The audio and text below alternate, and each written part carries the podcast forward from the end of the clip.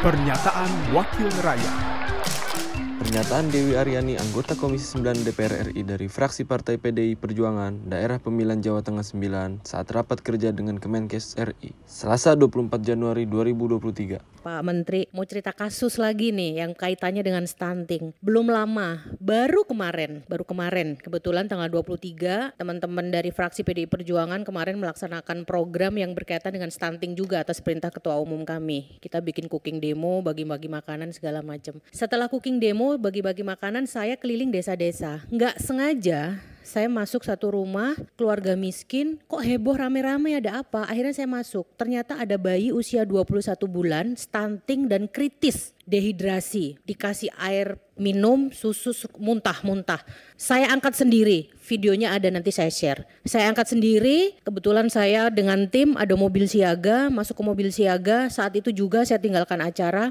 saya menuju rumah sakit RSUD Suradadi. Nggak punya kis miskin. Jadi ini masalahnya kompleks. Yang pertama, Kemenkes harus segera berkoordinasi dengan Kementerian Sosial untuk data DTKS itu gimana nih yang KIS PBI. Semua banyak yang dinonaktifkan tanpa alasan.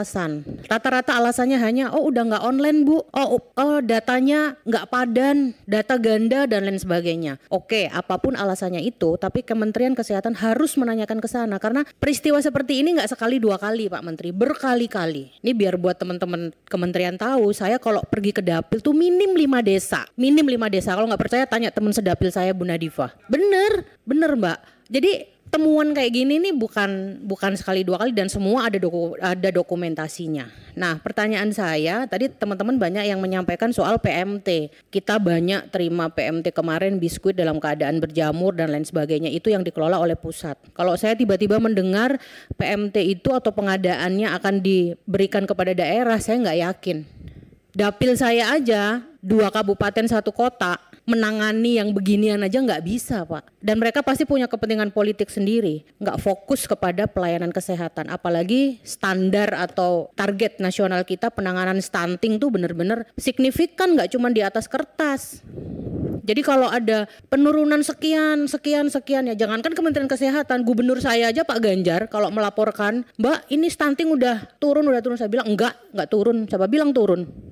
Kalau di daerah lain mungkin turun, silahkan diklaim. Dapil saya harus konfirmasi ke saya karena saya betul-betul yang turun ke, ke turun sampai ke bawah. Di Brebes Bu Nadifah ini juga turun masif. Kita bagi wilayah memang prioritas saya di Kabupaten Tegal dan Kota Tegal, Bu Nadifah di Kabupaten Brebes supaya semua terpantau soal kesehatan. Nah, jadi tolong dipikirkan lagi. Saya mau cerita sekali lagi soal dana stunting di daerah. Di daerah itu udah ada dari APBD, sekarang ada tambahan lagi berdasarkan perpres dari dana desa 8 persen. 8 persen itu nilainya besar sekali.